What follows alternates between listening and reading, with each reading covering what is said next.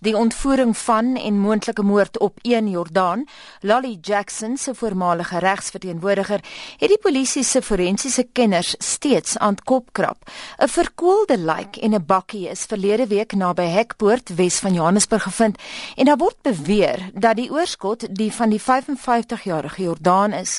'n Polisiewoordvoerder, kaptein Pinky Tsinyane, sê die polisie is steeds besig om die oorskot te ontleed op soek na DNS wat lig op op die saak sal werp.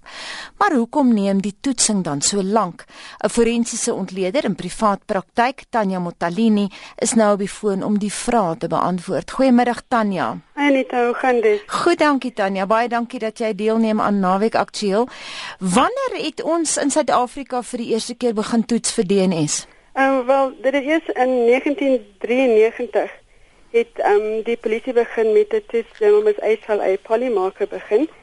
En van daar af met die bevordering van die ehm um, van die tegnologie het hulle in 1998 oorges, oorgespring na 'n tegniek by die naam van kort herhaling kort tandem herhalings of ehm um, KTH.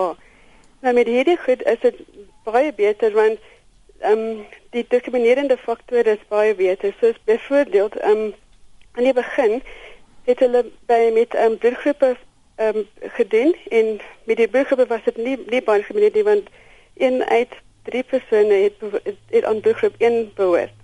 Mm. Maar toe met Alec Jeffries het in 1958 die hele DNS in die forensiese dinge begin en dis nou soos hy gesê van 1993 en dan met ehm um, 1998 met die met die polisie. Nou, ehm um, vandag is dit nie meer soos in die verlede soos hy gesê het en hy drie wat nou met hierdie kort tandem herhalings kan 'n mens basies 1 uit biljoen of 1 uit triljoen kans um, kry om mm. te sien wie wie dit is is dit nou eintlik. Tanya, wat van identiese tweelinge? Ehm um, nee, hulle sou hulle hulle DNA profiele sou presies dieselfde wees. Ehm um, maar hulle dinge aflike sou verskil. Aha. So hulle sou definitief dieselfde wees. Dit gaan nie eintlik help met DNA tussen vir identiese tweelinge nie. nie. Hoekom vat DNA toetsing so lank? Wel, dis is nie 'n hele proses wat gedoen moet word want DNA word in, ons selle in ons liggaam gevind en um, om die, die proses om dit uit te kry is nogal 'n goeie ding. Ehm um, die eerste ding wat 'n mens mee, mee begin is is 'n stap by naam van DNA ekstraksie en hier met behulp van verskeie reagense word die selle oopgebreek om by die DNA uit te kom. Die gebekte selle word dan weggespoel en net die DNA bly oor. Die tweede stap is wat hulle noem DNA kwantifisering. Hier gaan dit nou gekyk word na die hoeveelheid DNS wat ons nou eintlik in die buis gekry het. Die derde stap is die polimerase kettingreaksie. Dit is nie 'n tegniese woord om te sê daar word meer kopieë van die DNS gemaak. Dit kan dan vergelyk word met afgemaak van die kopie deur middel van fotostate.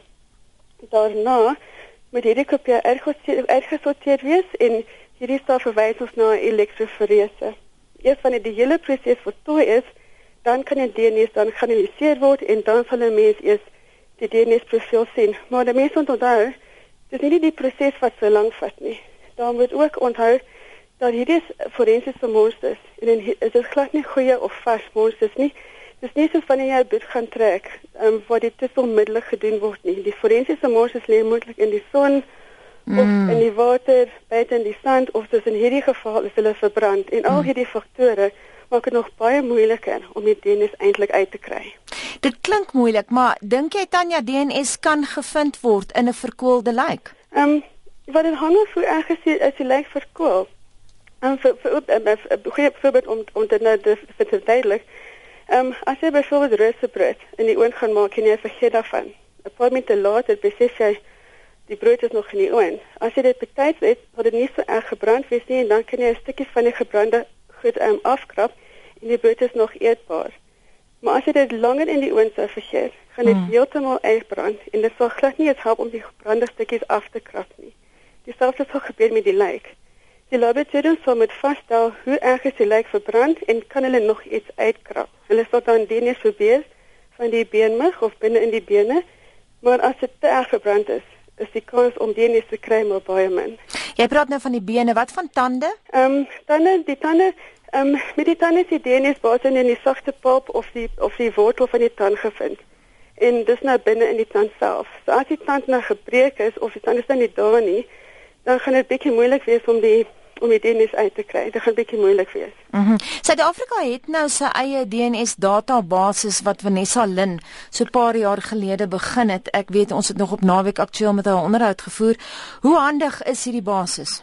Ehm um, Want dit is baie dis regtig 'n uh, 'n goeie stap in die ehm um, in die in die toekoms van van van die DNA en hoe dit hoe dit werk want ons tegnologie is gelyk aan daai wat in die ander lande gedoen word. So die tegnologie is nie net ehm um, wat word gedoen maar hoe word dit goed gebruik?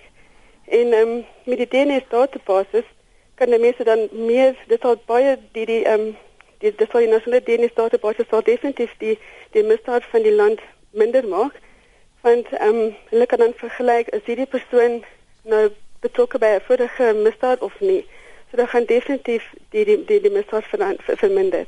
Tanya, watter land gee internasionaal die pas aan wat DNS toetsing betref? Um, wat dis dis moeilik om om daai um, presies te antwoord om te sê hierdie of daai ene, want almal het gesê maak gebruik van die die die sosiale um, tegnologie maar hulle verskil in hoe hulle dit gebruik.